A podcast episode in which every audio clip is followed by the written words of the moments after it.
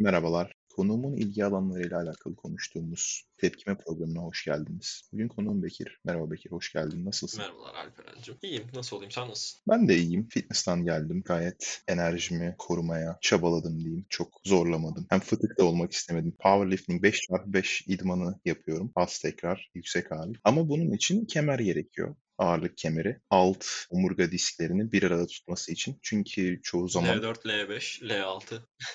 Aynen. Onları e, bir arada tutamıyor vücudun kasları ve fıtık atıyor. hani Abi. kemersiz yapınca. Benim de burada fitness'ta kemerim yok. Hani sitenin fitness'ı öyle çok profesyonel bir şey değil. O yüzden çok zorlamıyorum buradayken.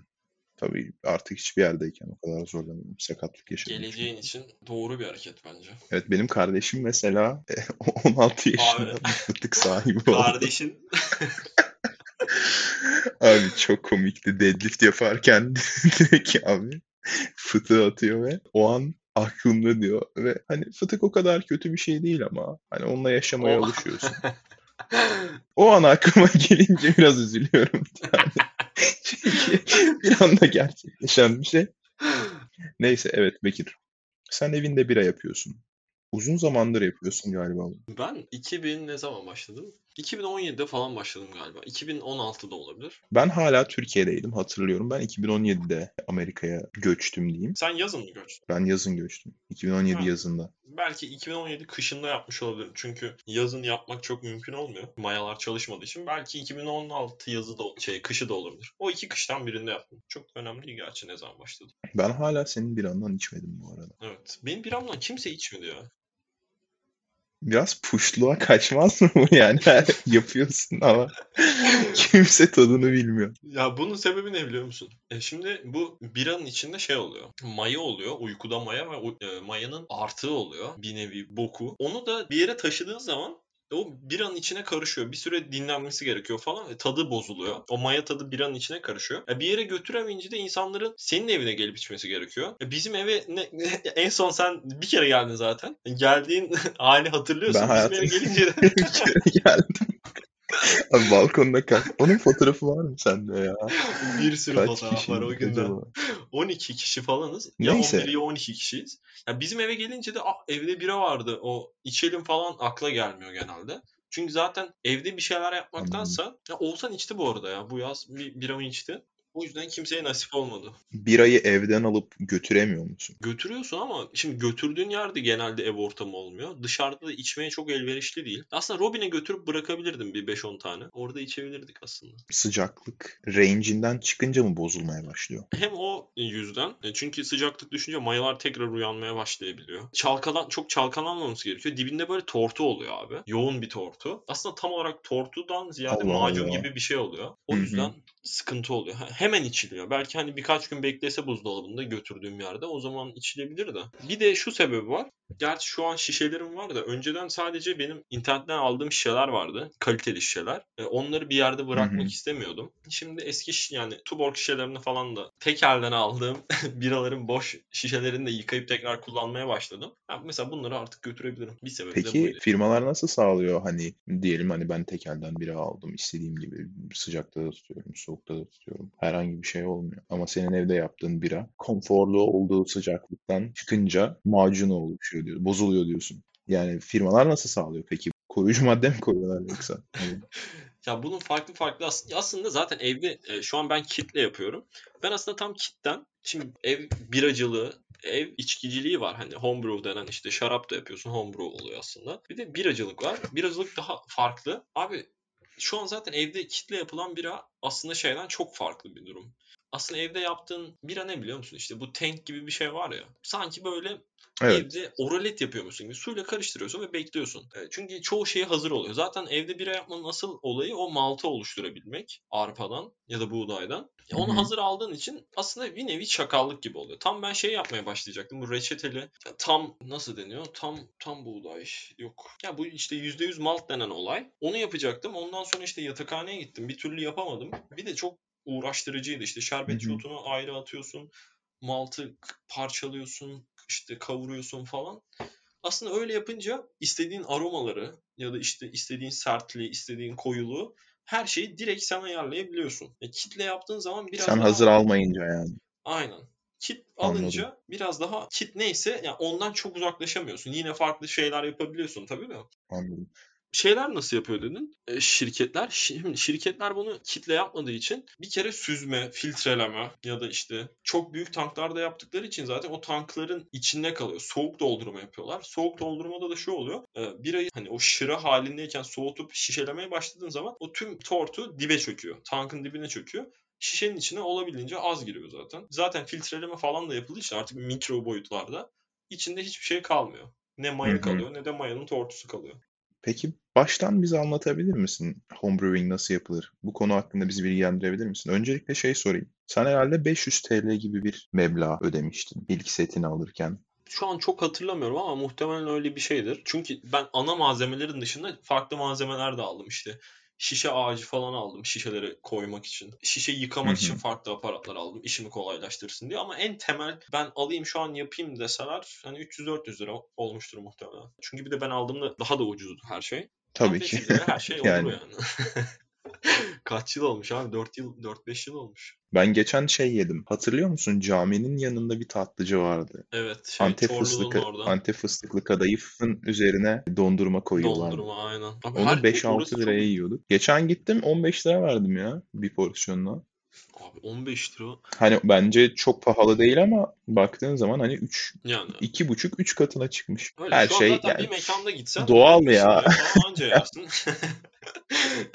Her Evet, şey evet. fazla natural abi zaten orada. Dayılar var böyle Evet, namazdan çıkmışlar. Nasıl yapılır abi? Devam et sen bize anlatmaya. Abi önce e, kova oluyor. Kovanın küçük çeşmesi, ıvır zıvır bir sürü alet oluyor senin bir ana temas edebilecek. Önce onları böyle zaten internetten alınıyor. Ben yani internetten aldım. Hiç mağazadan almadım. Artık mağazaları da var. Bu arada ben yapmaya başladığımda evde bira yapımı çok bilinen bir şey değildi. Hem yani neredeyse o e, ürünleri satan tek elde. E, şu an farklı farklı alternatifler var. Çok daha biliniyor. Ya, internette Sen çok Türkçe fazla bir yapılıyor. kaynaktan mı öğrendin peki? Ee, Ben nereden öğrendim? Tam olarak kaynaktan öğrenmedim. Türkçe bir forumdan öğrendim. O hani ürünleri satan yerin forumu vardı. Anladım. Ya çünkü hiç kaynak Hı hı. yoktu neredeyse. Ya. Varsa da bana denk gelmedi bilmiyorum. Ya şimdi bir de şey var. Kitten kite Anladım. fark ettiği için hani bu işin genel bir kuralı olmuyor. Çünkü aldığın kitin mayası farklı oluyor. Başka kitin daha farklı oluyor mayası. O mayanın çalışma hızı farklı, çalışacağı sıcaklık farklı, çalışacağı süre farklı. O yüzden böyle genel bir tanım olmuyor genelde. O Senin aldığın insanlar kit neydi peki? benim ilk aldığım kit e, abi import pilsner olması lazım. Pilsen yani bu bildiğimiz Efes birası denebilir. Kitin İkinci içindeydi zaten. üzerine başka kit de mi aldın? Aynen. Her neredeyse her yaptığımda farklı yaptım. Sonra arada beğendiklerim oldu. İşte onu yapıyordum. Onu kenara ayırıyordum. Ka- Kaç şişe çıkıyordu? 40 40 küsür şişe çıkıyordu. Bu arada şöyle bir şey var. Bir kit alıyorsun. 23 litre çıkıyor. 46 şişe yapıyor. Ama işte son iki şişe bazen çok tortulu oluyordu. Ya bunu da almayayım boş ver diyordun. Ya da koyuyordun ama çok bir şeye benzemiyordu tadı. O yüzden kafadan bir 40 şişe net vardı. Yani her yapman gerektiğinde yeni bir kit mi alıyorsun yoksa evinde duran bir setup var mı? Evinde setup'ım var. Ya kit dediğim şey şey bu arada. Sadece o ne var biliyor musun? İçinde malt var. Hmm, Malt dediğimiz şey de ya biranın işte o ana maddesi arpa maltı. Özüt yani sıvı halde. Bir de Peki maya. maltın malt ne demek? Ben sadece arpanın ne olduğunu biliyorum. Malt Buğdayın ne olduğunu biliyorum. arpadan çıkarılmış bir şey aslında. Bir özüt yani denebilir. Ya şey gibi düşün. Anladım. Herhangi bir şey yapılıyor mu peki buna? Hmm, Evde kendin yaptığında mı yoksa aldığın zaman mı yapılmış oluyor mu diye mi sordum. Aynen aldığım zaman yapılmış oluyor? Aldığın zaman zaten her şey yapılmış oluyor. Sen sadece yani şey birayı anlatmaya başladığımda ondan da bahsederim. Sana her şey hazır geliyor Hı hı. evine. Sen sadece karışım yapıyorsun ve bekliyorsun kitle yaptığın zaman. Bira yapımına bahsedecek olursam da bu arada ben yapmaya başladığımda bira fiyatları zaten Türkiye'de çok pahalı değildi aslında. Şu an hani son birkaç senede yapılmasının ya bu kadar patlamasının sebebi bira fiyatlarının uçması, işte içki fiyatlarının daha doğrusu ve insanların işte evde daha ucuza mal edecek yani çözümler aramasıydı. Ya ben yaptığımda tamamen hobi olarak başlamıştım. Ya zaten 40 şişe çıkıyor. 40 şişeyi içsen bir ayda çok rahat bitirirsin tek başına olsan. Çok böyle sürekliliği olan bir şey olmuyordu. Hani yapanlar vardı. Birkaç kova birden yapıyordu adam. Yani mesela o ihtiyacı için yapıyordu muhtemelen. Ben tamamen hobi olarak yapıyordum. Bir yapımından da bahsedecek olursam e, zaten farklı kendi şeyleri var. Temizleyicileri. Bir tane arındırılması gereken bir temizleyici var. Onu da önce yıkıyorsun tüm ekipmanları, bir ana değebilecek her şeyi. Ondan sonra bir posta duruluyorsun. Ekipmanları hakkında bahsedebilir misin biraz? Tabii kova var. Kovanın çeşmesi var. Karıştırma çubuğu var. Bunlar özel şeyler değil mi? Hani Bunlar evet. satın alman gerek. Aynen. Peki mesela bunları alıyorsun. Bunlar duruyor setup olarak. Kitleri ayrı ayrı alıyorsun. Ben öyle anladım. Aynen öyle oluyor. Kit dediğin şey de zaten sadece Peki senin setup'ında neler oluyor? Evet. mayası oluyor içinde. Benim setup'ımda ne var abi? Kova var. Büyük yani hmm, 50 litrelik neredeyse bir kova. 50 litre Hı hı. abartı mı oluyor? Y- 23 litre. İşte 50 46 dedim. Aynen. Hı hı. 46 şişe alıyor. E, 23 litre oluyor. Sonrasında e, hava kapağı oluyor. İçeriye hava girmemesi için ama içeriden dışarıya çıkması için. Çünkü fermentasyonda dışarıya hava çıkıyor. Karıştırma çubuğu var. En temel olarak söylersem. Bir de doldurma çubuğu denen bir şey var. Birayı şişelemeye başladığın zaman bunu da bira yapımına geldiğimde anlatırım. E, doldurma çubuğu var. En temel şeyler bunlar. Ben- Bende daha farklı şeyler de var ama hani en temelinden yapmak istersen bunlar yeterli oluyor. Sende başka neler var peki? Bira temizleme fırçası var burada ekstradan. Şey bira diyorum. Şişe temizleme fırçası. Şişe kapağı kapatıcısı var. Ee, Şişenin şişe fiskiyesi diye bir şey var. Böyle şişeyi ters çevirip basıyorsun içine böyle pf, hava püskürtüyor. Evet onlar bayağı havalı oluyor ya. Havalı bir de çok işe yarar oluyor ya. O bayağı iş kolaylaştıran bir şey. Çünkü bira yapımında yani en azından beni en sıkan ve en uzun süren şey bira şişesini temizlemek abi. Onun içini temizlemeye çalışıyorsun. e, Şey kalmamaya çalışıyorsun. İyice temizlemezsen ne olur mesela? en iyi ihtimalle biranın tadı bozuk olur. En kötü ihtimalle de şişe patlayabilir abi. Böyle bir riski var Allah galiba. Allah. Daha başıma gelmedi. Öncelikle yıkıyorsun bütün setup'ını. Aynen yıkıyorsun sonra duruluyorsun. Sonra Starsan denen durulanması gerekmeyen bir temizleyici var. Çok garip geliyor. Böyle bayağı köpüklü köpüklü bırakıyorsun her şeyi. Ondan hı. sonra yeteri kadar su duruluyorsun. Ee, sonra bu şeyi açıyorsun. Şu an ben ilk aldığımda konserve şeklindeydi bu malta yüzükleri. Şu an bayağı poşet halinde böyle. Poşetin ağzını açıp döküyorsun içine. Suyla karıştırıyorsun. Hı hı. Sonra yine dediğim gibi hani her, her kit birbirinden farklı olduğu için her bira çeşidi içine ve mayanın isteğine göre şeker ilave ediyorsun. Genelde kitlerde ortalama bir kite bir kilo falan şeker oluyor. Eğer istersen şeker Çok yerine fazla değilmiş ya. Ha, çok değil. Zaten şey oluyor hani o şeker biranın içinde kalmıyor. Ben hep birayı böyle aşırı şekerli, aşırı karbonhidratlı bir şey olarak görüyordum. Karbonhidrat var muhtemelen içinde. O şekeri şey yapıyor yani. Karbonhidrat değil de kalorisini alkolden alıyor yani. yemesi için. Aynen. Maya Hı hı. zaten hepsini Anladım. yiyor. Zaten yemezse bira şekerli bir şey olur. Başıma öyle şeyler de geldi. Çünkü Evet. maya belli bir süre sonra doyuma ulaşıyor. İçindeki şekeri yememeye başlıyor. hı. O şeker de içinde kalıyor. O zaman şerbet gibi bir şey oluyor. Çok farklı teknikler var ya. O mesela içerideki uyuyan uyandırmak için farklı teknikler falan var. Çok Neyse yani abi, aslında biz üstüne saatlerce dönelim. konuşulur da aynen. Ee, sonra Suyu koydun kovaya. Sonra malt özütünü koydun. aynen. Karıştırdın. Şekeri de koydun, karıştırdın. Bir de ağzını kapatıyorsun abi kovanın. iki kişi böyle çalkalayarak karıştırıyor. Ondan sonra Çok ayinim şeymiş gibi geldi böyle. ben bunu e, bir kere, Döndürücü, döndürüyorsun. Çevirdikçe abi- çeviriyorsun. bir kere Burak'ı çağırdım.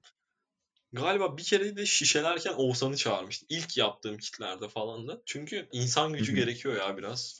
Tek başına zor biraz. Ee, ondan sonra karıştırdın abi her şeyi. İçindeki şekeri de erittikten sonra üstündeki köpüğü böyle kenara alıp mayasını ekliyorsun. Kapağını kapatıyorsun ondan sonra.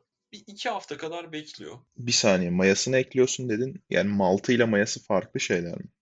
Aynen. Ya maya onu mayalandıran şey çok ufak zaten. İki çay kaşığı kadar. O zaten kitin içinde oluyor. Çünkü Anladım. o kitlere özel maya konuluyor. Ama işte bu tam reçeteli yapmak istediğinde, yüz- tam malt yapmak istediğinde hani her şeyi kendin ayarladığın için ona özel mayayı da bilmek gerekiyor. O farklı bir dünya yani. Kitle yapılan Yani herhalde malt aroması için, maya da alkolü için gibi. aynen. Ya o malt içindeki birayı belirleyen şey. Yani o bir stout bira mı, Hı hı. yani siyah bira mı, işte e, sarı bira mı, buğday birası mı ne olduğunu o malt belirliyor zaten. Hı hı. Ondan Peki bu işte sarı, işte siyah, buğday falan filan bunlar bu türlerden bahsedebilir misin biraz? Bahsedeyim abi. Siyah bira en bilineni stout bira. Ee, Stout'ta ne? Hmm, Bu Hı hı. işte İrlanda biraları falan oluyor. Pilsen herkesin bildiği o en sarı bira. İçimi kolay. Bu Efes'in falan. Tuborg'un yaptığı. Buğday biraları var. Buğday biraları biraz daha farklı. örnek vermek gerekirse şu Alman birası vardı. Weihenstephaner var. Yani bira, biralar çok çeşitli. Bak var mesela bu Bock diye yazılıyor Alman birası. Ben en son en son değil onun üstüne yaptım. Ya en beğendiğim oydu. Türkiye'de de galiba Anladım. Amsterdam şişelenmiş siyah bira mı oluyor peki? Ama Amsterdam ben hiç içmedim ya. Amsterdam hoşuma giden bir şey değil yani. Yani içmedim derken Benim de değil ama mesela şeye- siyah deyince şey ya, sen e, Amsterdam yani şeyi de siyah olduğu için şey. belki de ambalajı da siyah olduğu için. evet evet. yok. Evet abi. Köpüğünü aldın, mayasını koydun. Aynen. Yani o suya temas edecek kadar köpüğü böyle kenara kaydırıyorsun. Mayayı koyuyorsun. Mayayı koyduktan sonra e, olabildiğince az hareket ettirmeye çalışmak gerekiyor. Sonra iki hafta Karıştırmıyorsun yani. Yok, koyduktan Hiç sonra. karıştırmıyorsun abi. Üste bırakıyorsun. O canlanınca zaten her yere gidiyor. Peki böyle bir serpiyor musun yoksa direkt şak hani çaya şeker atar gibi atıyor musun? O kişinin inisiyatifine kalmış bir hareket. Önerilen bir durum Tamamen keyif. Aynen. Ben serpiştirirdim o zaman. Ben direkt dökülenlerdenim. Koydun abi. Koydun, kapağı kapattın. Koydun kenara bekliyorsun. Yani iki hafta kadar bekliyorsun. Ya bunun mesela e, bende ha bu arada şey var. Onu söylemeyi unuttum. Mesela bende bir de ölçüm cihazı var. Daldırma termometre var. Bende her şeyi var neredeyse. Bunlar ama gerekli bir şey değil mesela. O ölçüm şeyine de neyi ölçüyorsun? İçindeki alkol oranını birebir ölçebiliyorsun kaç olduğunu. Fermentasyonun tam olarak bitip bitmediğini onunla anlayabiliyorsun. Allah Allah.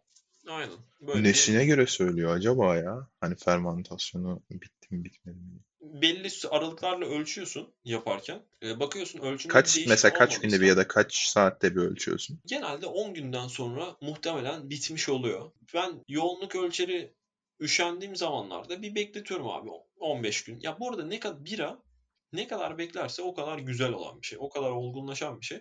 Hani Allah beklemesinin Allah. bir zararı olmuyor zaten. Ne zamana kadar peki bu geçerli? Hani 30 gün beklese ekşir mi mesela? Yoğurt ekşiyor çünkü. Ay 30 gün hiç bekletmedim ama bozulma ihtimali olabilir 30 günde. Ondan sonrasında şişeleme aşamasına geçiyorsun. Yine şişeleme kendi aynı şekilde yıkıyorsun, duruluyorsun. Sonrasında o starsanla yapıyorsun. Ondan sonra durulamıyorsun. Ee, şişeleme şekeri denen bir olay oluyor abi bununla da. Yani bu da şeyi belirliyor. Şu an mesela ilk koyduğun şeker alkol oldu. İkinci koyacağın şeker de gaz olacak. İçinde karbondioksit oluyor. Kapağını Kaç gün sonra koyuyorsun ikinci şekeri? E, ikinci şekeri şişelemeye geçerken koyuyorsun. Yani kovada işin bittikten sonra genelde 2 hafta sonra ya ölçmeyen Hı hı. adam için 2 hafta ideal. Ölçersen belki 9. günde koyarsın. 8. günde koyarsın. Çok fark etmez. Şeyi sorayım. Bu fermentasyonda çıkan hava ne oluyor mesela? Hani girdiğin zaman böyle bir odaya bir bira kokusu falan oluyor mu? Geliyor abi ve o hani özellikle ilk 2-3 günde çok hızlı olduğu için fermentasyon o koku sürekli böyle dağılıyor. Ya benim çok hoşuma giden bir koku. Hı hı. Gitmeyen vardır illaki de. Durum budur. Sonrasında şişelemeye geçiyorsun. Şişelemede de her şeyi duruladın, yıkadın. E, genelde bu da tabii biradan biraya değişen bir durum. 2 küp şeker falan atıyorsun. Şişenin boyutuna göre ayarlıyorsun buna. Onlar genelde kitlerin üstünde Şişe yazar. başına iki küp şeker mi yoksa Aynen aynen. Şişe başına 2 küp şeker. şişeye Yoksa- attın iki küp şekeri sonra Evet. birayı mı dolduruyorsun? Aynen birayı dolduruyorsun. Kapağı kapatıyorsun. Sonra şişele içinde beklemeye başlıyor. Ya bu şişelemedeki bekleme süresi değişiyor, değişebiliyor. Baya, bayağı değişebiliyor yani. Diğerinde hani birkaç gün bekliyorken burada hani 3-4 ay bile bekletebilirsin. Hadi bekledikçe güzelleşme kısmı en çok şişedeyken beklerken oluyor. Çünkü tam olarak oturmuş oluyor bir. Peki şekerin çözünmesi kendi kendine gerçekleştiriyor herhalde. Senin karıştırma gibi müda- müdahalen olmuyor herhalde. Ya böyle hafifçe şey sallayabilirsin ama zaten o çözüldüğü kadarı yetiyor mayaya. Ekstra böyle bir şeye gerek kalmıyor. Şişeledikten sonra dedin çok sıcağı gelemiyor. Hani buzdolabında durması gerek. Yoksa Yok şişeledikten sonra şey yapıyorsun. bozuluyor dedin. dışarıda bekliyor şey olurken. Yoksa maya çalışmaz. Yine sanki kovada bekletiyormuşsun gibi her kitin farklı özellikleri var ama ortalama 18-23 derece aralığında bekletiyorsun. Şişeleme şekeri oluyor da. Şişeledikten sonra bir birkaç haftada öyle bekletiyorsun. Gaz oluşuyor içinde. Ya şeyde sıkıntı oluyor. Senin bahsettiğin olay şimdi mesela dolapta bekletiyorsun ya buzdolabında içmek için. Sonrasında bir yere çıkardığında Evet. hani sıcak soğuk olma olayı. Ya çünkü birada en önemli şeylerden bir tanesi e, bir Piç oluyor yani bir nevi. Aynen. Aynen. Ya belli bir aralıkta tutman lazım. Çok uçlara gitmemesi lazım. Çok değişmemesi lazım. Peki şu sıralar ne haldesin, ne durumdasın diye sorayım. Şu sıralar Sadece kendi yaptığın birayı mı içiyorsun yoksa yine hobi kendi yaptığım bira valla bitti. Bir ya da iki kaç gün önce şimdi gün kavramım çok karıştı. Bir de bu hafta biraz karışıktı benim için. Ya ge- geçen hafta sonu bitti diyelim işte. Bir hafta oldu diyelim. Şimdi şey yapacağım abi. Şimdi Türkiye'de yok biz bilmeyiz am ama sen Amerika'da içmişsindir muhtemelen. E, hard seltzer denen bir olay var. Denk geldi mi? Ben Amerika'da hiç Alkol tüketmedin mi? 250 Mülayim evimizin çocuğu mu oldun? Budweiser'ın Budweiser'ın yarısını içmiştim. Bu kadar yani. Daha bir alkol tüketimim olmadı. Ama hani bunu bir gecede içtiysen Aynen. bir daha muhtemelen ihtiyacın olmamış olabilir. Nasıl oldu biliyor musun? Alkolü çok uzaklaştırmıştım hayatımdan o zamanlar. İşte televizyon izlerken şeye gitmiştik. Spring Break. Hı hı, Bizde işte iki dönem var ya. hı hı. O- Oradaki lise, lisemde üç dönem vardı. İşte bahar e, tatilinde de koronanın Çin'de olduğu zamanlardı. Nasıl söyleyeyim sana? Şubat 2020 diyeyim sana. İşte Çinli arkadaşların evine kalmaya gittik biz de. Hani yani davet etmişlerdi sağ olsunlar hani Irkçı şaka şey başladığında. e, ara başladığında. Yok ya. Ara başladığında dediler hani şöyle bir 2-3 gece kal bizde. Ben de dedim tabii ki de kalırım hani. E, sevdiğim insanlarla beraber iyi vakit geçiririz diye. İşte adamlar abi orada biliyorsun 21 alkol için yaş sınırı. Burada bu bu ne Adamlar düşünüyorsun abi dedi ki 21 işte- alkol yasağı hakkında? Sence fazla mı? Ya Amerika çok farklı işleyen bir yer olduğu için bilemiyorum. Çünkü şöyle bir şey var. Aslında bunun hakkında ben biraz araştırma yaptım. Biraz şeye dayanıyor. İşte teenager drinking and driving. 16 yaşında orada ehliyet alabildiğin için Hı hı. işte insanlar 16 yaşında araba kullanmaya başlıyorlar. Ondan sonra araba kullanmakta hani biraz kendilerini konforlu hissetmeye başladıklarında işte 18 yaşında da içki içebilmeye başlıyorlar. İşte hani arabayı zaten kullanıyorum abi. Sarhoş olsam da kullanırım diye düşünen çok fazla insan olduğu için çok fazla Alkollü kaza. sarhoşluktan kaynaklı e, kaza oluyor. Aynen alkol kazaları oluyor. O yüzden yavaş yavaş eyaletler içki yaşını 21'e çıkarmaya başlıyorlar. Ondan Araba sonra federal 18 hükümette. Abi toplumun yapısı bence ne bileyim biraz da bana sorsan hani ben Amerikan teenager olsam 16 yaşında araba mı sürmek istersin yoksa 18 yaşında içki içebilmek mi istersin? Ben araba derdim. Tamamen ya bir de düşününce hani içki mi içsinler araba mı sürsünler? Araba sürsünler abi. Sadece sanki bu iki şey varmış gibi de. İçki ve araba başka bir şey yok. Aynen. Neyse. Ye- yetişkinliği hani bir ergen gözüyle yetişkinliği böyle mi görüyorsun abi? Yetişkinlik Hayır ya, sadece şey içki ve araba mıdır? Nasıl söyleyeyim sana? Hani içki içmeyi mi daha sonra yapmaya başlasınlar, araba sürmeyi mi daha sonra yapmaya başlasınlar diyeyim. Hmm. İçki içmeyi daha sonra yapmaya başlasınlar çünkü Şimdi baktığın zaman kötü sen- bir şey. Sen Samsun'da mı büyüdün? Yoksa Hatay'da mıydın? Ben abi Hatay'da büyüdüm diyebilirim. Ya şimdi ben doğma büyüme İstanbul'dayım. Hatay'da büyüdüm ya ben. Ve abi İstanbul, ben doğduğumdan beri İstanbul'un trafiği var ve daha da öncesinden vardı. Yıllar yıllar öncesinden. O yüzden araba abi hep benim gözümü korkutan bir şey oldu. İlkokulda bir ara otobüsle gidiyordum ilkokula ve abi korkunçtu ya. Çok şükürler olsun ki hayatımın çok büyük bir bölümünde metro, tramvay hani asla trafiğe karışmayan şeyler kullandım. Ve şu an e, kaç yaşındayım? E, Bugün itibariyle 22 yaşındayım. Yani itibariyle dediğim daha öncesine girdim de.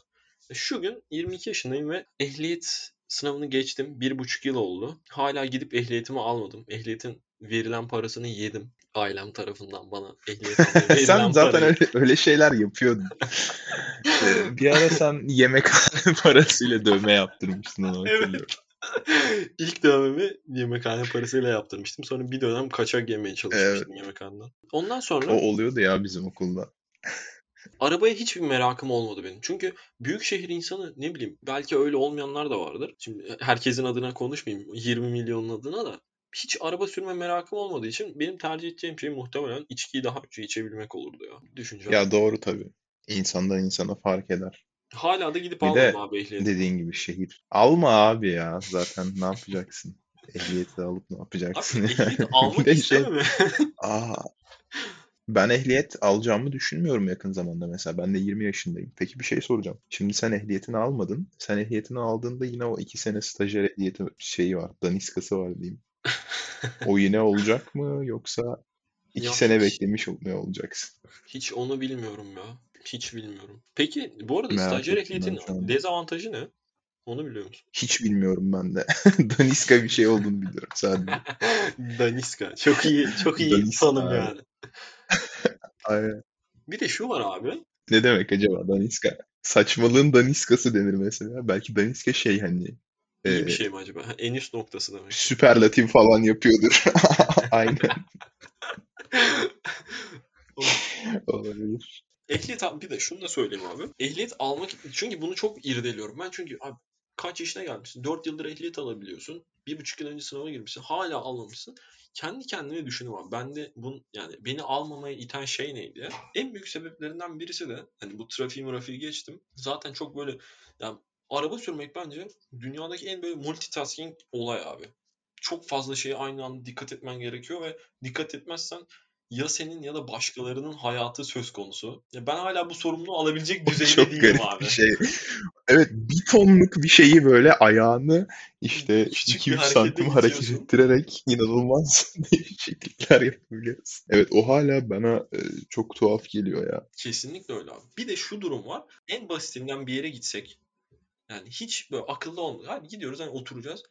Gittiğin yerde abi en kötü şekilde iki bira içiyorsun. İki bira alkol sınırı. Sıkıntım bu abi. Promil sınırı yükseltilsin falan. Saçma Alkol. bir açıklamaya gidiyor buradan da.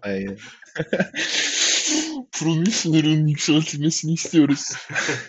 Ya Ya olsa da bilmiyorum. muhtemelen Bir bira içip araba kullanabiliyor musun? Bu okey mi mesela? Bu okey. İki bira da okey. Ee, çünkü iki bira galiba Peki 50 mesela bir birayı böyle arabada işte kahve tutacağına koyup içebiliyor musun hani? İşte memur bey ikram. Bir de çok düşünsene seni durduruyorlar böyle. bu Bir benim hakkım. yani. Sıkıntı yok. Bir de çok böyle şey konuşuyorsun hani. Hayır hani gayet modern konuşuyorsun. Memur bey bu benim hakkım yalnız. Yavşak gibi konuşuyorsun da- daha çok. Neyse. Biradan değil de konuşma O, şeklinden ötürü yer- ceza yazılır abi. sana ceza yaz- O çok garip ya. Polisin çok inisiyatifi var ülkemizde. Neye ceza yazacaksın, ne yapacaksın? Ben şeyi hatırlıyorum. Bir gün futbol idmanından dönüyoruz. O zamanlar eee, sağ olsun bir abim beni bırakıyordu metroya kadar. Bir şey muhabbeti vardı. Film çekmek yasak falan muhabbeti vardı. Arabanın camlarını. Ha evet evet. Durdurdular bizi. İşte polis ceza yazıyor falan. Ben bir inip konuşayım dedi. Abi adam indi. 2-3 dakika sonra geri bindi. Aralarında hallettiler galiba. Sonra dedi ki ben güzel konuştum abiyle falan. Yani ceza yemeden direkt çatır çutur gittik. Ne yaptığını hiç bilmiyorum. Ne 2-3 yaptığını dakika sürdü ne yaptığını söylersen şu an abinin evine baskın gelir mi? Hiç bilmiyorum ki ben. Bilsem söylerim abi. Bilsem neden söylemeyeyim. Rüşvet belki. Belki olur. Değil mi? Yani Hani gerçekten de konuşmuş. Ben ben hala şey diye düşünüyorum. Tatlı tatlı konuştum acaba falan diye düşünüyorum. Rüşvet olma ihtimali, Asla aklından çok gelmiyor. daha yüksek. Ya bir de şey var. Yani Vallahi ben sonra Temiz şey kalpli olduğum için Bu inisiyatif inisiyatif muhabbetinden sonra silah kullanımı abi. Şimdi sen Amerika'yı gördün bak yine buradan vuruyorum. Abi silah kullanma abi hakkım Walmart'a olsa gidip çatır çutur silah alabiliyorsun. Abi ben alamam ya. Hani onu yanımda gezdirmek bana çok büyük bir sorumluluk yüklüyor gibi hissediyorum. Yani zaten bir durum olsa e, hani bunu şeyden ayrı konuşuyorum. Antimilitarist Zartur tutumundan ayrı tamamen kişisel görüşüm. Kişisel silahlanmanın iyi bir şey mi yoksa kötü bir şey mi olduğu Ben da onu tartışmıyorum zaten. e, izin verilmesinin gerekip gerekmediği bambaşka bir konu zaten. Hı hı. Ya ben ondan ziyade hani kendim kullanabilir miyim? Abi o an zaten ben kullanamam onu ya.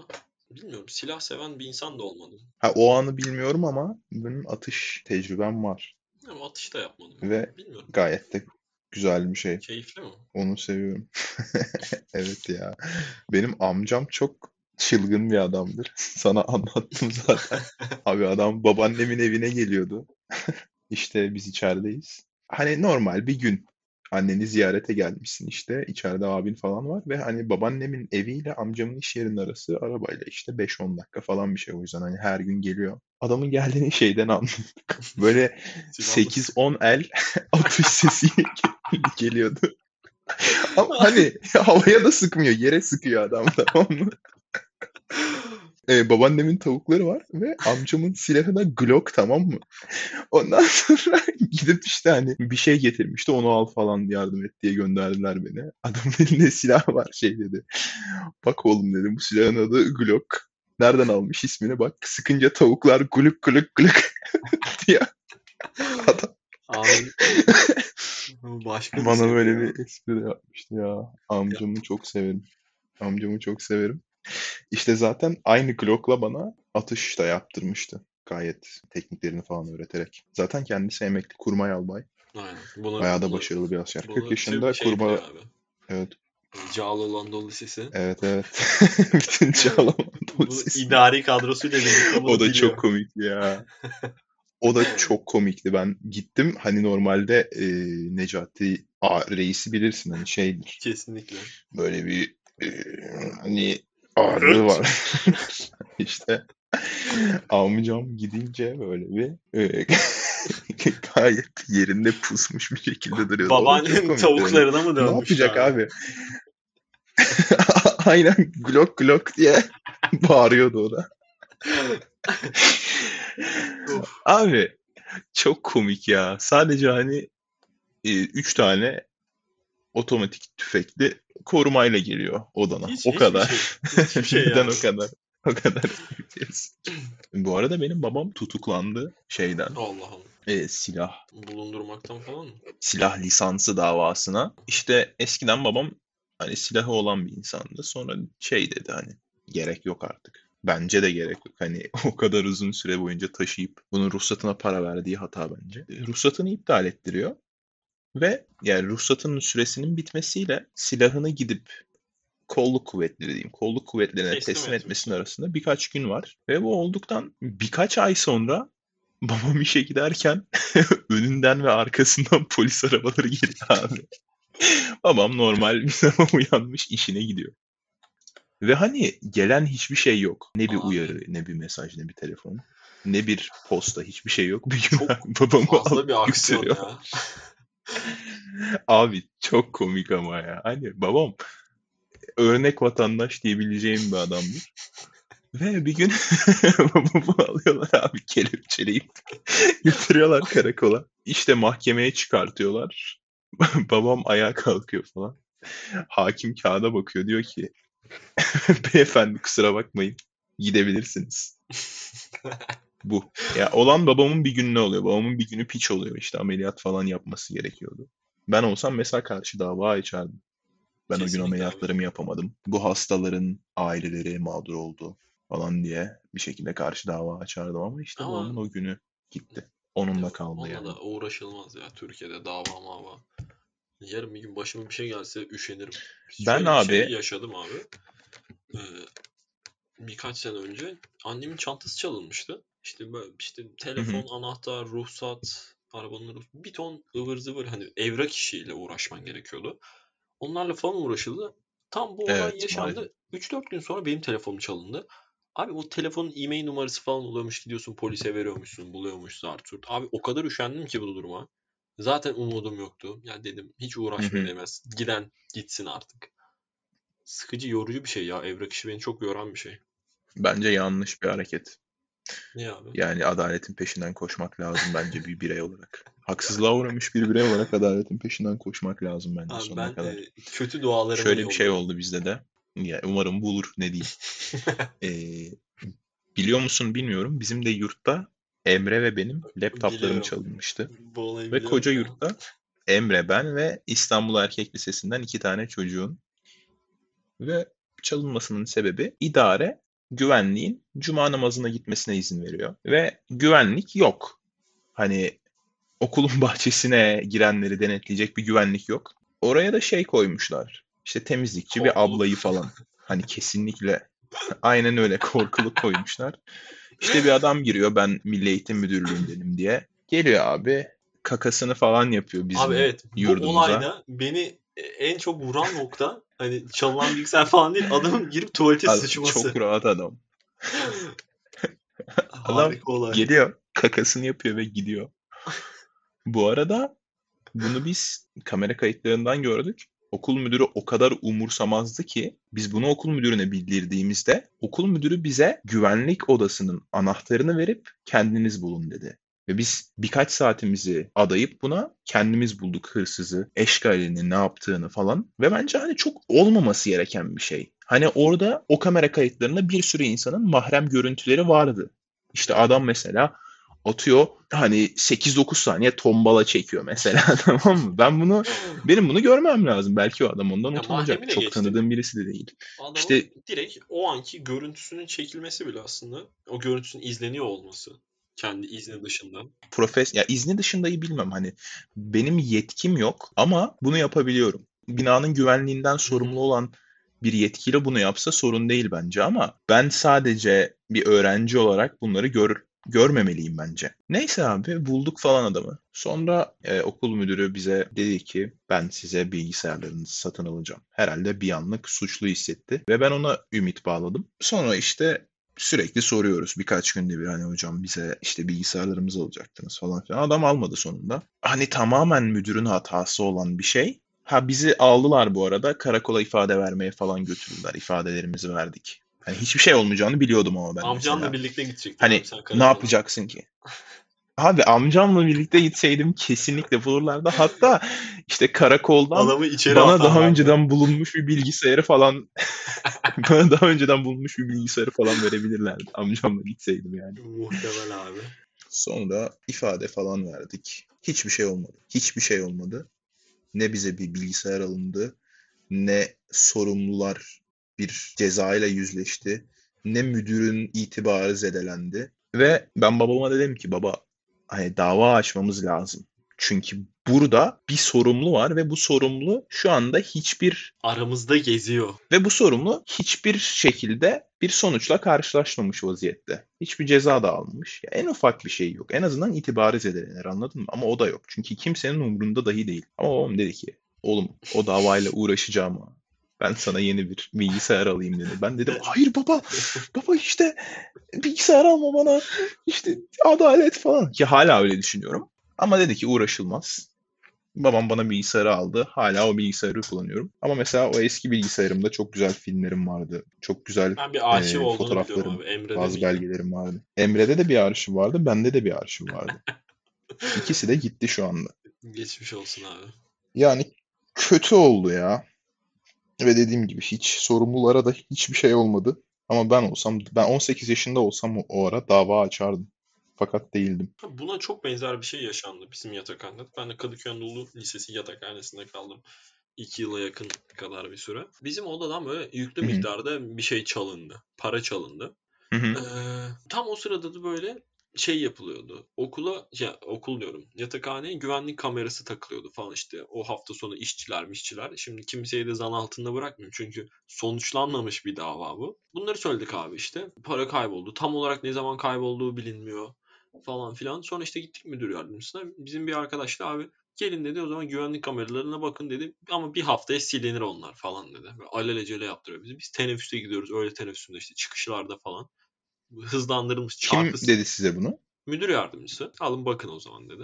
Yani abi çok unprofessional ya. Abi kesinlikle öyle. Öğrenciye niye veriyorsun güvenlik odasının anahtarını? Daha da saçma şeyi söyleyeyim. Evet hızlandırılmış bir şekilde. Heh. İ- İzledik Evet. böyle insanları. Böyle çarpı 8'de fıtı fıtı fıtı millet yürüyor falan. Abi biz tam en önemli Hı hı. güne geldiğimizde kamera kayıtları silindi. Ve hiçbir şey sonuçlanmadı. Giden para oldu. Ve giden Üzücü. bizim orada izlediğimiz, boşa geçen vaktimiz oldu. Yaşadığımız stres oldu. Ben de böyle bunu anlatayım dedim. Teşekkür ederim paylaştığın için. Ben olsam her türlü sonuna kadar devam ederim ya. Çünkü hani bugün de mesela marketten Sen tuttuğunu koparan bir var. e, insan mısın peki?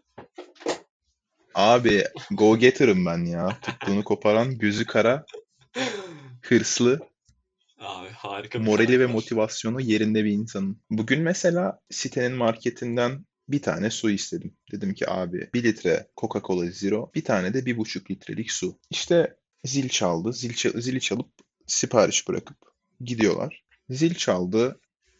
İşte o sırada kurye e, asansördeydi. Tabii ben görmüyorum. Bir baktım altılı bir su gelmiş bize. altılı bir buçuk litre su ve bir litre de Coca-Cola Zero. Düşündüm şöyle. Ya ben, ben bunu içerim aslında dedim. Hani çok da büyük bir para değil. Ama dedim hoş bir davranış değil. Buna bunu böyle kaktırmaya çalışması. Ondan sonra aradım marketi dedim ki işte ben bir tane istemiştim. Siz bana altı tane göndermişsiniz. Adamın bana dediği şey şuydu. Ya biz bir tane deyince altılı anlıyoruz. Sen bir adet deseydin sana bir şişe gönderirdik. dedim Abi. Allah Allah. Ama adam bunu dedikten sonra ham- şey dedi hemen. İstersen kapının önüne bırak. Aldırırım ben onu dedi. Ve bilmiyorum aldırdı mı. Çünkü en son baktığımda bunu söyledikten 2-3 saat sonraydı. Aldırmamıştı. Ama bilmiyorum yani. Hani yarın da aldırmazsa yarın baktığımda hala, Hala duruyor mu? şeyler ben ben aldırırım. Emekli albaylığım var ya. Ya en son işte babam eve geldi. 6 gibi. Babam eve geldiğinde oradalardı. Aa gerçi orada değiller. Ben fitness'a gittim geldim dedim. Orada değiller. Doğru. Abi ben Aldırmış işte yani adam. ya bu işleri kovalama yani diyorsun ya işte emekli almayayım zart turt işte o üşeniyorum abi. Her şeyi üşeniyorum. Yani gerekli şeylere de üşeniyorum. Ya mesela bu çok gerekli olmayan bir şey. Sen de buna okeysin muhtemelen. Mesela buna da üşeniyorum. Mesela Evet. ehliyet belki çok gerekli bir şey. Ehliyeti de almıyorum. Bir buçuk yıldır duruyor orada. Her şeye üşeniyorum abi. Üşengeçlik konuşalım Alperen biraz. Abi çok kötü. Geçen gün şey Üşengeçlik. E-Devlet'ten. Geçen gün dedim bayağı oldu. Belki bir ay oldu. Belki daha fazla. 2000 küsür lira sigorta borcu çıktı. Ve hala gidip onu iptal ettirmedim öğrenci belgesi götürmeye. Sürekli üşeniyorum abi. Onu yaptır bu arada çünkü biliyorsun Öttürüyorlar mı? ülkemizin ana gelir kaynağı vergi ve e, onun peşinden onlar koşuyor. Sen koşmasan bile. Doğru. Öyle diyeyim. Doğru. Çünkü şey mi? Abi Birilerinin Audi'lerde tabaktan bir şeyler aynen öyle. Birilerinin avucularını altın varaklı tabaklı ve işte devletimizin ana gelir kaynağı vergi. Üşengeçlik dedin. Bence insanın üşenmesinin asıl sebebi bir şeyi yapmaktansa onu yaptıktan sonra işte o paperwork diyorlar. Türkçesi nasıl Evrak söylenir? işleri denebilir. İşte- Belge, evrak. Evrak işleriyle uğraşmak. Veyahut da işte ben uzun süredir biliyorsun okullar online ve ben normalde ödevlerimi kesinlikle geciktirmeyen ve projelerimi zamanında yapan bir öğrenciydim. Okullar online olana kadar. Ama online olduğu zaman hani sen bir kağıdı götürüp birisine vermiyorsun. İşte birisine e-mail atman gerekiyor. Ya da işte e-maile en basitinden merhaba işte ben Alperen şöyle şöyle şöyle böyle böyle böyle yazmak aslında biraz ertelemene sebep oluyor bence. Veyahut da işte o siteye giriş yapıp da o sekmeyi bulup oradan oraya submitlemek bence asıl e, üşengeçliği yaratan şey. Ya herkes farklı Evet. şeylere üşeniyor. Mesela benim Ya diyorum ya çok üşengeç bir insan. Abi bazı o işler oluyor ki hani böyle normal bir insanın da kalkıp yapası olmaz, olmayan bir iş.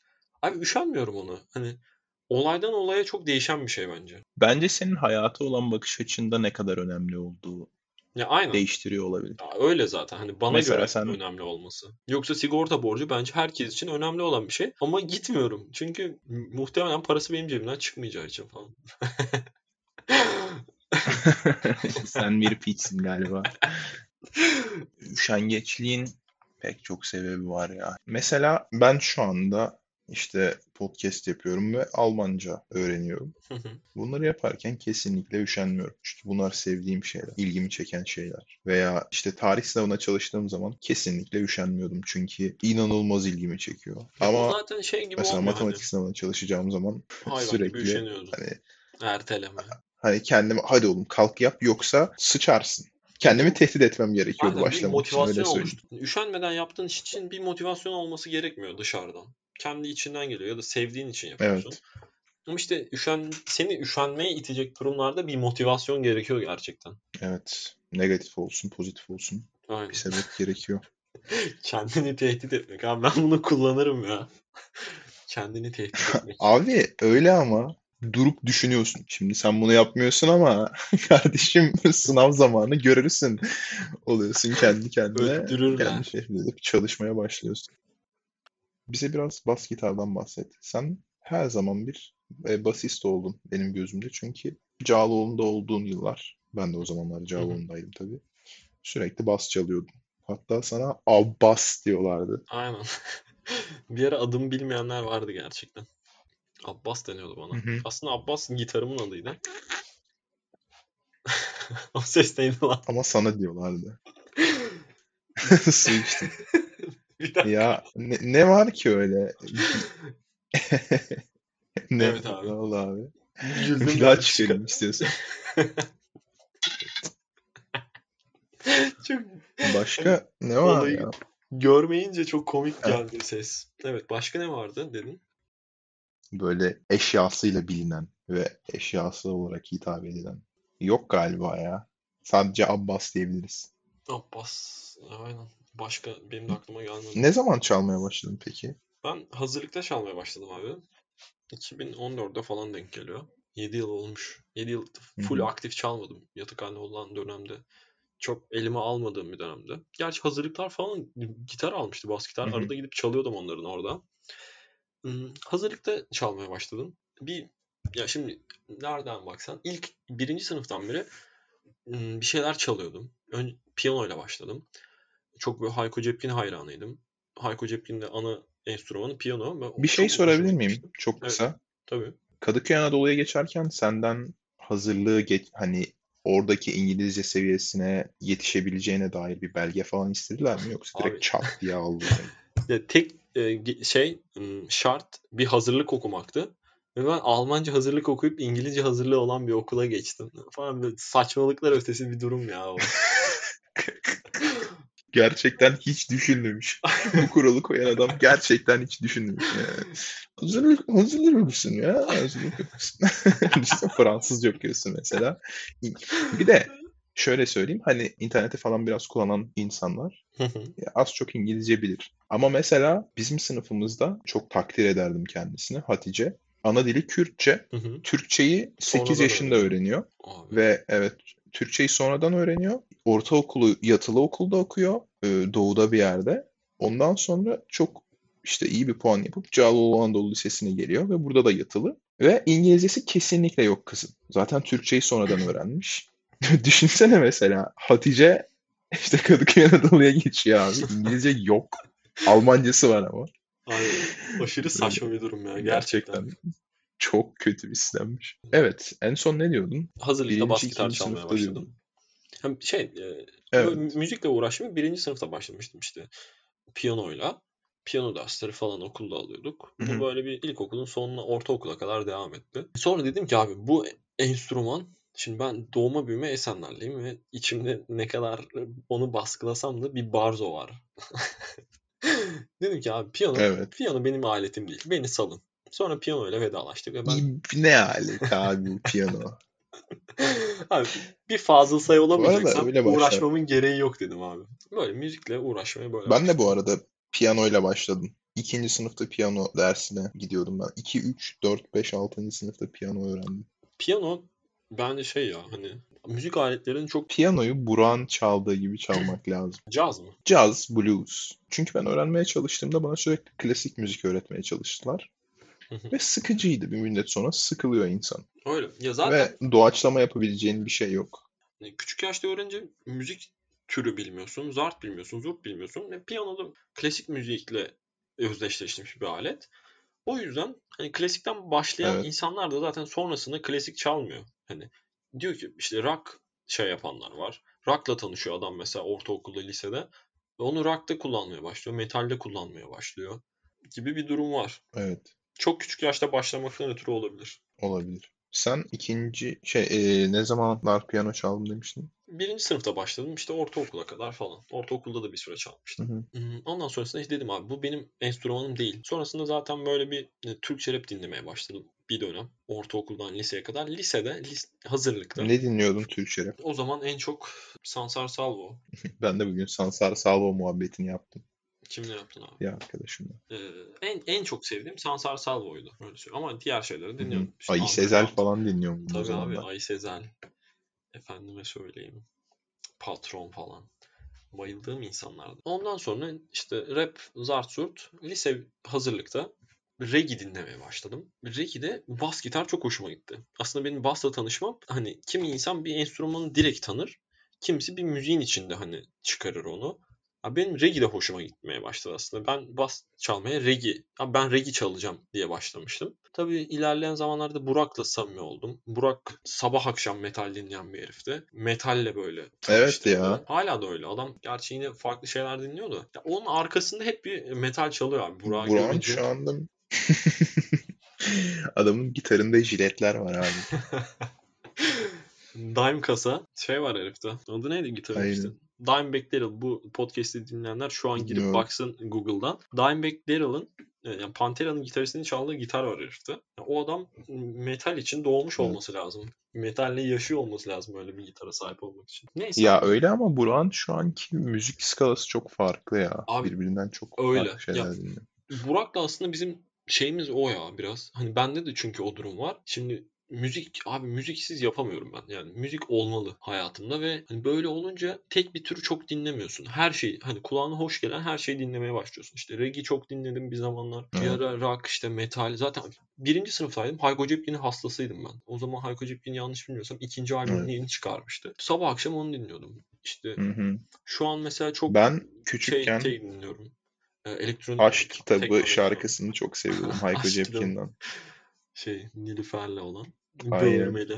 Çok güzel şarkıydı ya. Ama Abi Hayko çok Ondan garip bir şey sanatçı vardı. ya. Altlı üstlü beş abi. dertlerimi. Öyle şarkısı. O şarkı zaten. Hayko'yu Aynen, Türkiye'nin tüm dinle, tanıdığı şarkı ya. Evet evet bana da e, annemin kuzeni dinletmişti ilk olarak böyle. O, o da lise, o lisedeydi o zamanlar. Ben ilkokuldaydım. Lisede zaten Hayko dinlenir galiba o zamanlar. Ben şey olmuş. Allah Allah Allah olmuştu. Evet abi sen devam et. Ben de şok olmuştum. Ondan sonra birinci sınıfta işte ben reggae çalacağım abi deyip bas çalmaya başladım. Burak'ın da böyle desteği abi bas mı oha falan. Çünkü çevremizde de çok yoktu aslında. Bizim lisede de bir sürü müzik grubu vardı. Basçılar ve baterist hep aynıydı neredeyse. Kim vardı? Bateride uçmak. Uçmak tüm gruplarda çalıyordu falan. Zaten. Herkes Zaten. Zaten. Ben Yuh de- belki. Ben de onun üzerine zaten kardeşim bana danıştığında liseye geçtiğinde kardeşim gitar ya da bas çalmak istiyordu. Ben dedim ki oğlum bas çal. Piyasa değerin çok daha yüksek olur. Çünkü ender olursun dedim. Öyle abi. Adam bas Ben- çalmaya başladı. Sonra gitar Ama burada falan aldı. kardeşinden onun biraz konuşmamız çalıyorum. lazım bak. Kardeşin abi şu dünyada gördüğüm en nasıl diyeyim? Mükemmele yakın bir insan varsa o kardeşin olabilir ya. Gerçekten harika bir insan. Ben de çok severim kendisini. Kardeşin de çok harika Neyse. bir fotoğrafım var. Sana bir ara atayım onu. At abi. Zaten ben 5. 6. ay falan böyle basla bas gitar aldığım vakitlerde işte bir grup böyle bu Anıl hı. uçmak falan dedi bizle çalmak ister misin? Basçımız yok. Sen kursa mı gittin yoksa Ben ne yaptım? Hmm. kendi kendine mi öğrendin? İlk birkaç ay kursa gittim. Sonra bir metot kitabı aldım. Hı hı. Zaten internette her şey vardı. Bir sürü ders var gerçekten internette. Bas için biraz daha az olsa da bas için bile yeterli. Yani Türkçe kaynaklar için konuşuyorum var. Zaten İngilizce kaynak her şeyde sınırsız. Evet. Öyle çalmaya başladım. Gitar hocamın böyle bir ara grubun Rodili tarzı bir şey yapıyordum böyle. İşte sahne kurulumlarına gidiyordum. Harika bir adamdı gerçekten Hı hı. kendisi de.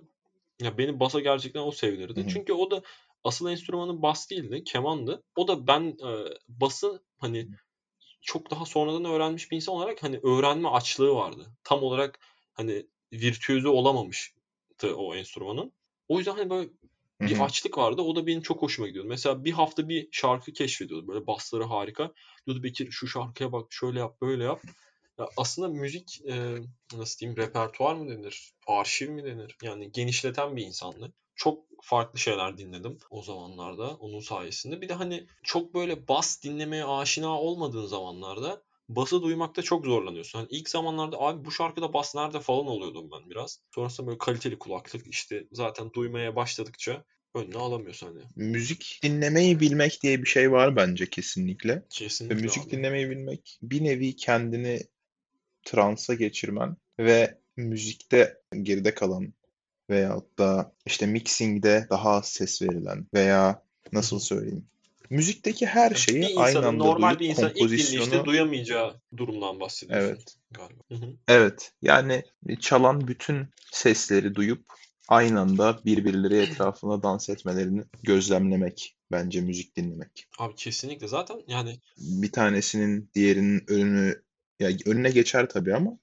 Gölgelememesi gerekiyor. Ki çoğu insanda baktığın zaman şu anda hani Red Hot Chili Peppers bile dinlerken sözlerini falan e, dinliyorlar. Maksimum işte e, gitara gidebilir çünkü inanılmaz gitar soloları var. Ya da işte bass line'ı girdiğinde bassa gider ama müziğin aslında çalan bütün enstrümanlarını veyahut da o an çalan bütün seslerini aynı anda dinleyebilmek bence birkaç sene en azından e, istiyor geliştirmek için. Öyle ya kesinlikle. Hani bir de şey var. Enstrümanları tanımakla alakalı. Mesela bas dinlememiş bir insan e, Red Hot Chili Peppers'ta oradaki adam ne yaparsa yapsın fark etmiyor. Yani böyle Hı. bir durum var. O adam hani kaç yıl dinlerse dinlesin ya biraz enstrümanı tanımakla alakalı. Tabii bir de şey var. Red Hot Chili Peppers'ta aslında tek gitar, tek gitarlı gruplar benim daha favorim oluyor. Bu da buradan benim bir itirafım Öyle mi? bir şey olsun. Ben ritim gitarı çok hoşuma gider. E, Dire Straits'in ritim gitarını çok severim ben mesela. Ki ritim gitarı denemez bence işte ikinci gitarı veya Erkin Koray'ın ikinci gitarını çok severim. Neyse devam et abi sen anlatmaya. Sürekli böyle her hafta bana hani dersten çok böyle müzik üstüne konuşuyorduk. Biraz kafamı açtı o konuda. Çok da bilgili bir adamdı. Hatta kendi hocası da şeydi. Ahmet Güvenç'ti. Kurtalan Ekspres'in basçısı. Yani bir efsaneden öğrenmişti Çok zaten iyi. adam. Şu an benim elimde de hatta Ahmet Güvenç'in bir tane metodu var. Piyasada olmayan diye biliyorum. Fotokopi bayağı. İstiyorsan sana Wow. ulaştırırım bunu. Bayağı Wow. faydalı bir olay. Olabilir. Bakabilirim. Ondan sonra zaten ne oldu? Burak'la samimi oldum. Burak metal pompaladı bana sürekli bir yandan. Sonra Motorot'la tanıştım. Abi dedim yuh yani bas gitarla bu yapılabiliyor muymuş oldum. Çünkü yani basla Lemmy Kilmister'ın yaptığını yapan bir insan yok. Başka bir örnek yok. Hani bu tribute gruplar falan ya da işte Lemmy'den etkilenmiş gruplar dışında. Ya o çok kafamı açtı. Sonra yani bası aslında ben çalmaya başladığımda çok da bilmeden çalmaya başladım. Sonrasında abi bu da yapılıyormuş. Oha bu da var. Zaten çok da bilmeden başlayacaksın ki. Çaldıkça öğreniyorsun aslında. Kesinlikle öyle. Çalmaya başladıktan daha sonra daha çok sevmeye başladım o gitgide aşık oldum. Her farklı türde bambaşka olaylar yapıyor. Solosu başka bir olay. Arkada çalınca daha bir farklı. Her olayda sanki bambaşka bir enstrümana dönüşüyor gibiydi. Ya çok monoton değildi bence. O benim hoşuma gitti. İşte mesela penayla çalmak, parmakla çalmak. Bu ikisi bile sanki iki farklı enstrüman gibi oluyor. Hem çalan açısından hem dinleyen açısından. Ben ilk çalmaya başladığım zaman parmağımda bir Evet. Alerji vari bir şey olmuştu böyle. Bir süre penayla çalmıştım ilk zamanlarda. Sonrasında da tekrarladı o. Tekrar penaya geçtiğim olmuştu. Parmak uçların acımaya başlıyor. Bir süre çalmayıp tekrar çalmaya başladın. Evet. Nasırlanmadan Öyle önce o- işte. İşte o nasırı kaybettiğinde tekrar acımaya başlıyor. Böyle bir geçmişim var Basta'da. Şu anda ne yapıyorsun Basta? Seviyorum ya Bas. Çok güzel bir şey. Şu an ne yapıyorum? Ben bir süre çalmıyordum. Şimdi bir yıl oldu neredeyse. Bir yıldır tekrar çalıyorum. Şu an abi tamamen kendime. Çünkü Kendime kadar diyeyim? çalıyorum. Aynen kendime kadar çalma aşamasındayım. Çünkü ya çok haz vermeye başladı ya bana. Arkaya mesela açıyorum bir şey, hmm, bateri, metronom olarak üstüne hı. çalıyorum abi. O kadar haz veren bir şey ki. Ya bir şarkı çıkarmaktan, hani bir beste yapmaktan ya da bestelenmiş bir şey çalmaktan şu an için bana daha çok zevk veriyor. Benim de yaptığım şey arkaya işte lo-fi hip hop tarzı bir şeyler açıp onun üzerine hı. çalıyorum. Bateridense. Avantajını söyleyeyim benim için. Onun da melodisi olduğu için yani onun melodisinden de etkilenerek bir şeyler çalmaya başlıyorsun basla. Ben de öyle yapıyorum. Ben de bas çalmaya başlayalı bir yıl olmuştur belki. Bu arada ben e, aslında davul çalıyorum. Ama eve davul seti almak zor olduğu için Akıl kârı olmadığı için. Aynen apartmanda yaşadığım için. Elektronik olan davul setleri bilmiyorum. Çok tatmin Aynı etmedi tadı vermediği Bir arkadaşım da vardı kullandım. Kesinlikle öyle. O yüzden kardeşim zaten inanılmaz bir müzisyen. E, gitar çalıyor, bas çalıyor. Bunları 3 yıldır öğrenmesine rağmen gayet iyi olduğunu düşünüyorum ikisinde de. Zaten dediğim gibi bana sormuştu ilk hani ne çalayım falan diye. Ben bas çal dedim. Basla başladı. Sonradan da gitara yöneldi. Şu anda galiba gitara biraz daha ağırlık veriyor bastansa. Ama işte ben kardeşimden öğrendim mesela. Hani neler çalayım falan. Kardeşimin bana öğrettiği ilk şey o zamanlar şey vardı hatırlıyor musun? Kefen dansı muhabbeti vardı. Nı Kefen. nı nı nı nı nı nı nı nı nı nı nı. dedi adam adam bana bas öğretmeye başlayacak. Yine dalga geçti benimle. Ve ilk çaldığım şey buydu mesela benim aslında. Yani normalde insanların ne olur? Aynen. Seven Nation aynen. Seven Seven Nation Nation Army olur. Army ya da şey. Mesela benimki ya Ahmet Ahmet gerçekten harika bir insan ya. Ahmet'ten öğrendiğim çok şey oldu benim. Siz harika Gerçekten bir de ya. ben sana bir video atayım eee, şu anda. Onu izle istersen. Not abi. Bunu da çok yerde paylaşma. Öyle söyleyeyim sana. Geçen bunu e, Discord'da Burak ve Fatih'e izlettiğimde Burak şey dedi. Bu videoyu babam çekti bu arada. Burak dedi ki oğlum düşünsene böyle bir çocuğun var. Fatih de dedi ki oğlum düşünsene böyle iki tane çocuğun var.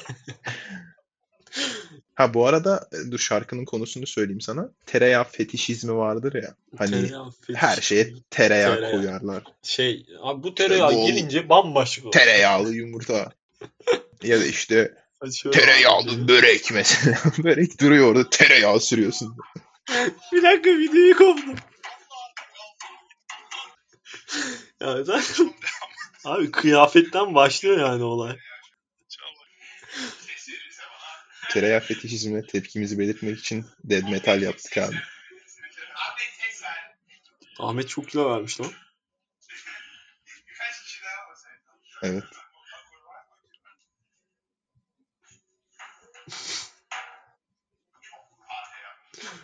Ne abi gitarın markası? Jort mu? Aynen.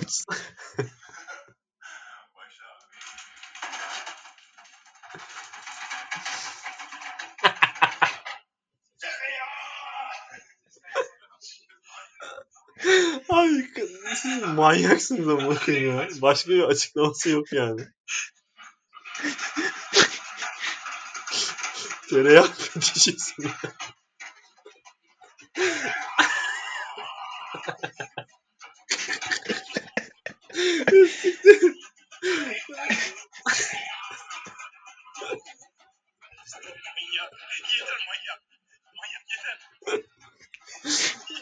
Manyak yeter. Aşağıdan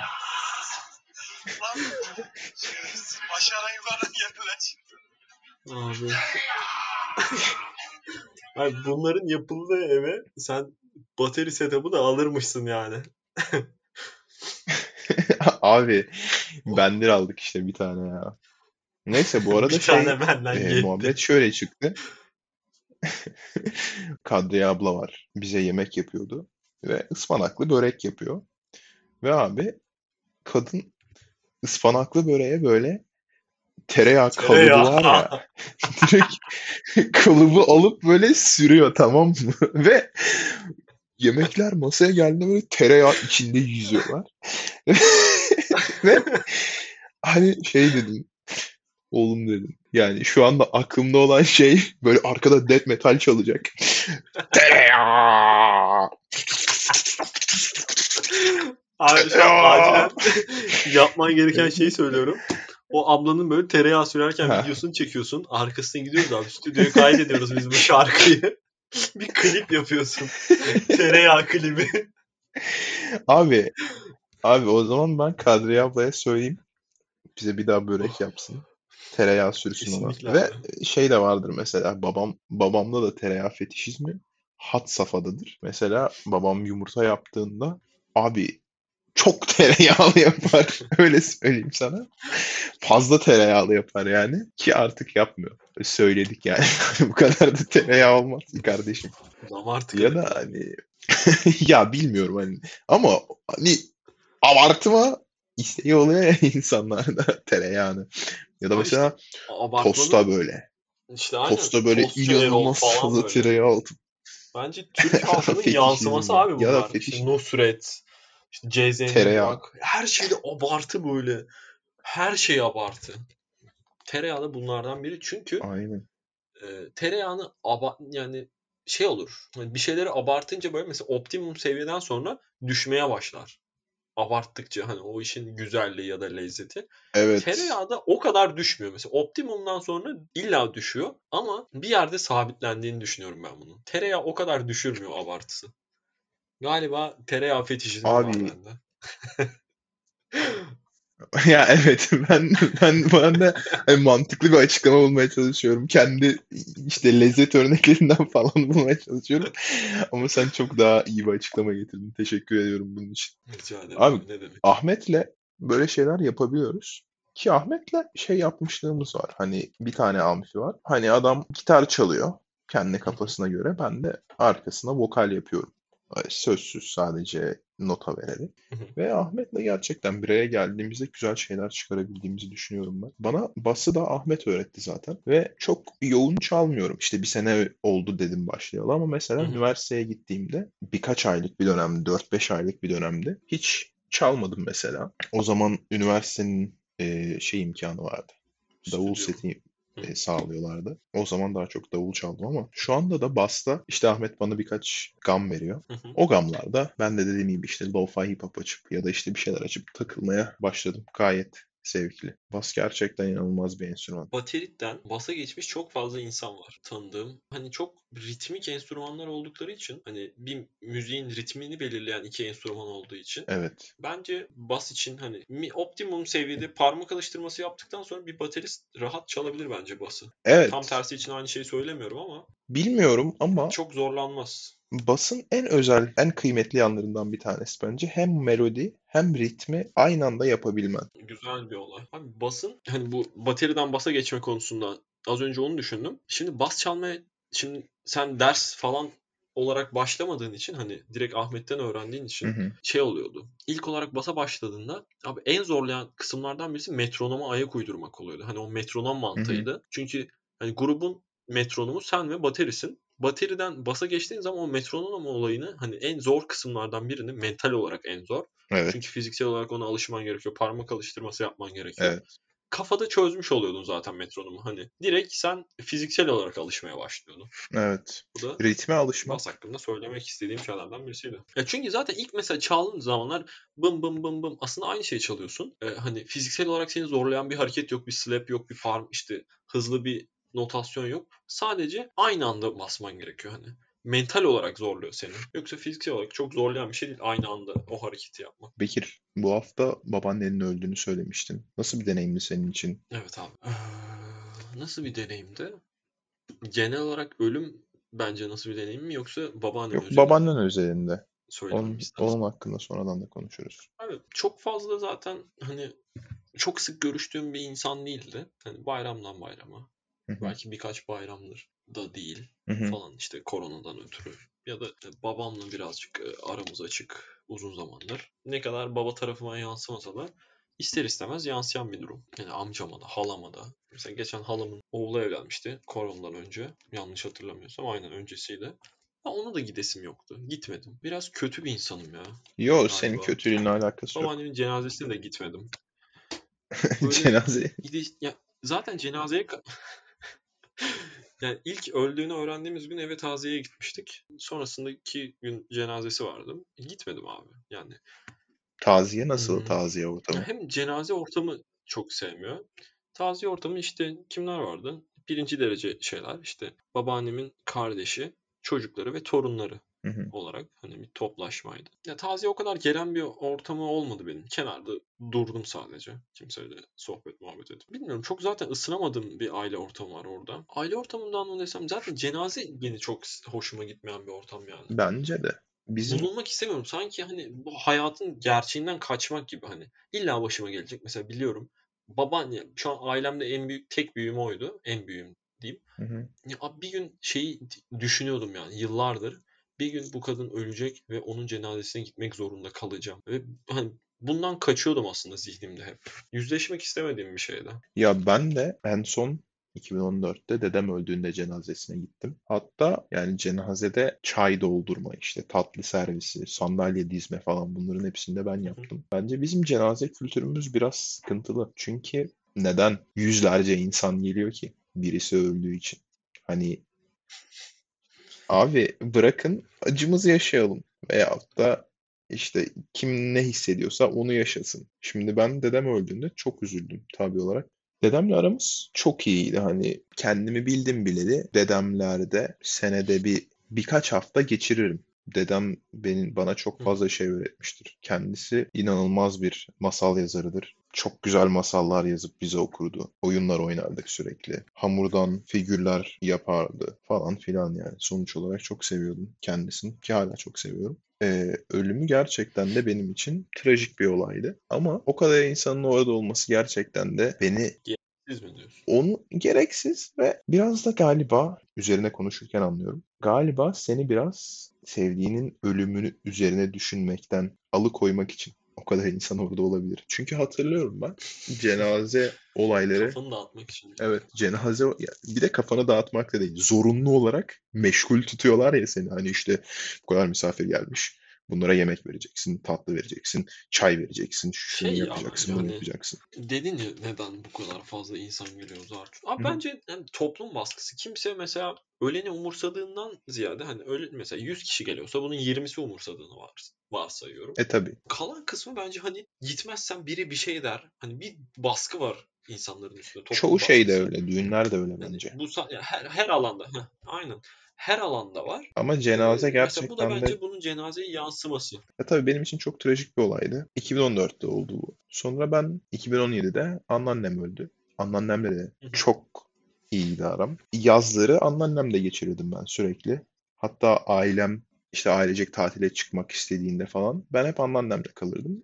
İnanılmaz mükemmel bir insandı. Ve inanılmaz zeki de bir insandı. Ama mesela ben o zamanlar işte hani biraz da ergenliğe yeni yeni girmenin getirdiği kafa karışıklığıyla hani işte üzülmenin veyahut da birinin arkasından ağlamanın veya cenazelere gitmenin ezikçe şeyler olduğunu düşündüğümden dolayı anneannem öldüğünde cenazesine de gitmedim. Ki gitmek ne kadar gerekli diye sorduğunda şu anda bilmiyorum. Ama çok üzüldüğümü de Pişman söyleyemem. mısın mesela? Yarın cenaze olduğunu düşün mesela varsa gider misin şu anki aklınla?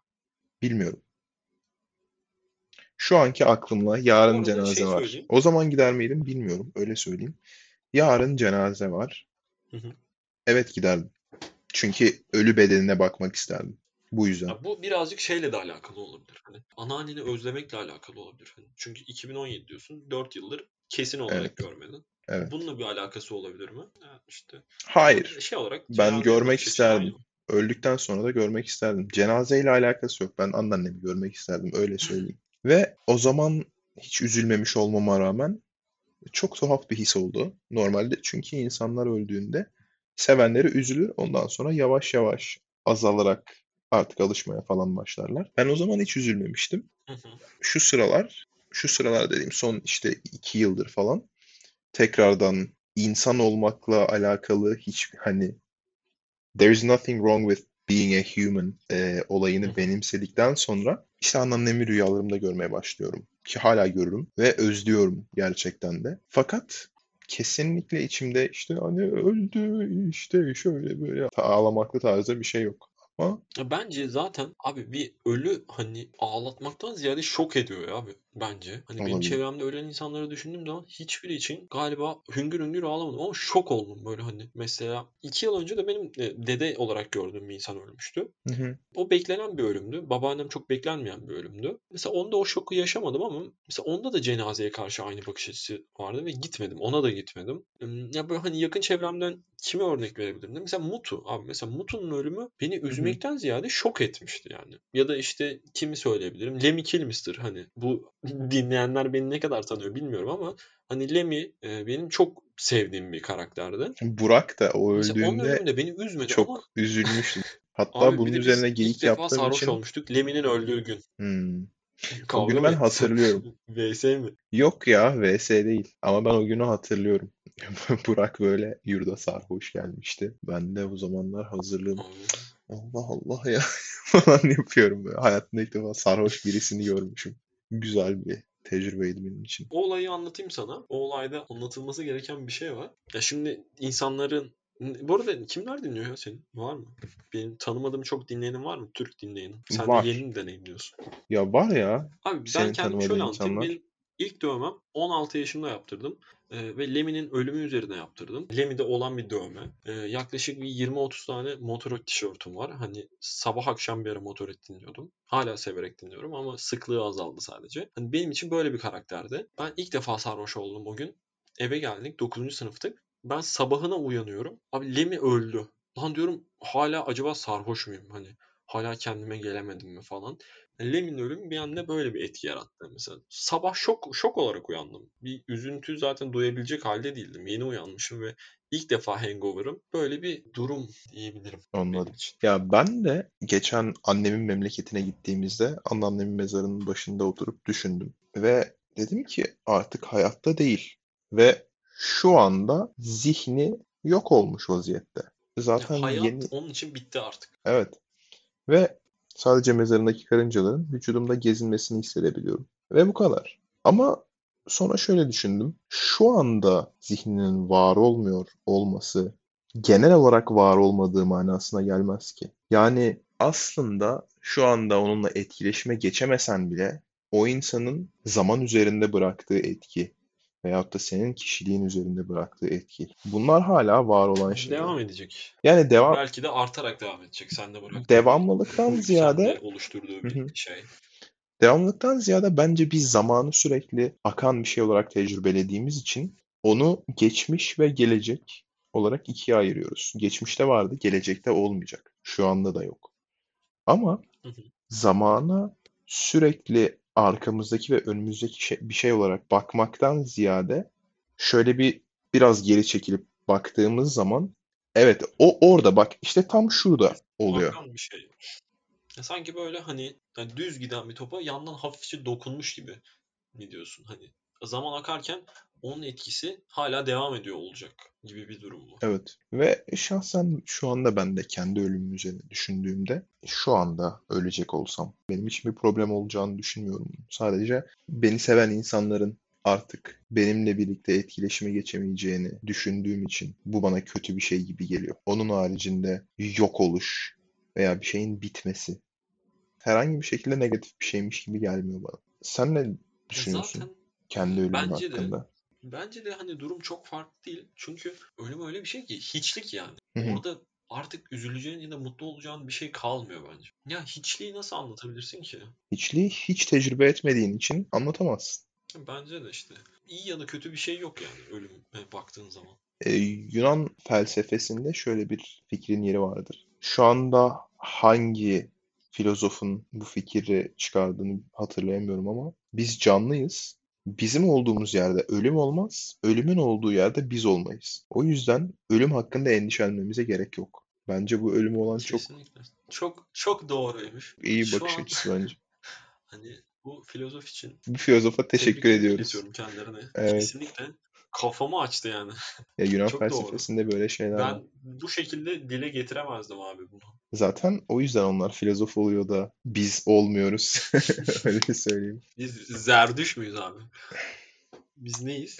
Ben Alperen'im, sen de Kendini nasıl Bekir'sin abi. abi? Ben Başkalarının ya. koyduğu isimle mi tanımlıyorsun kendini?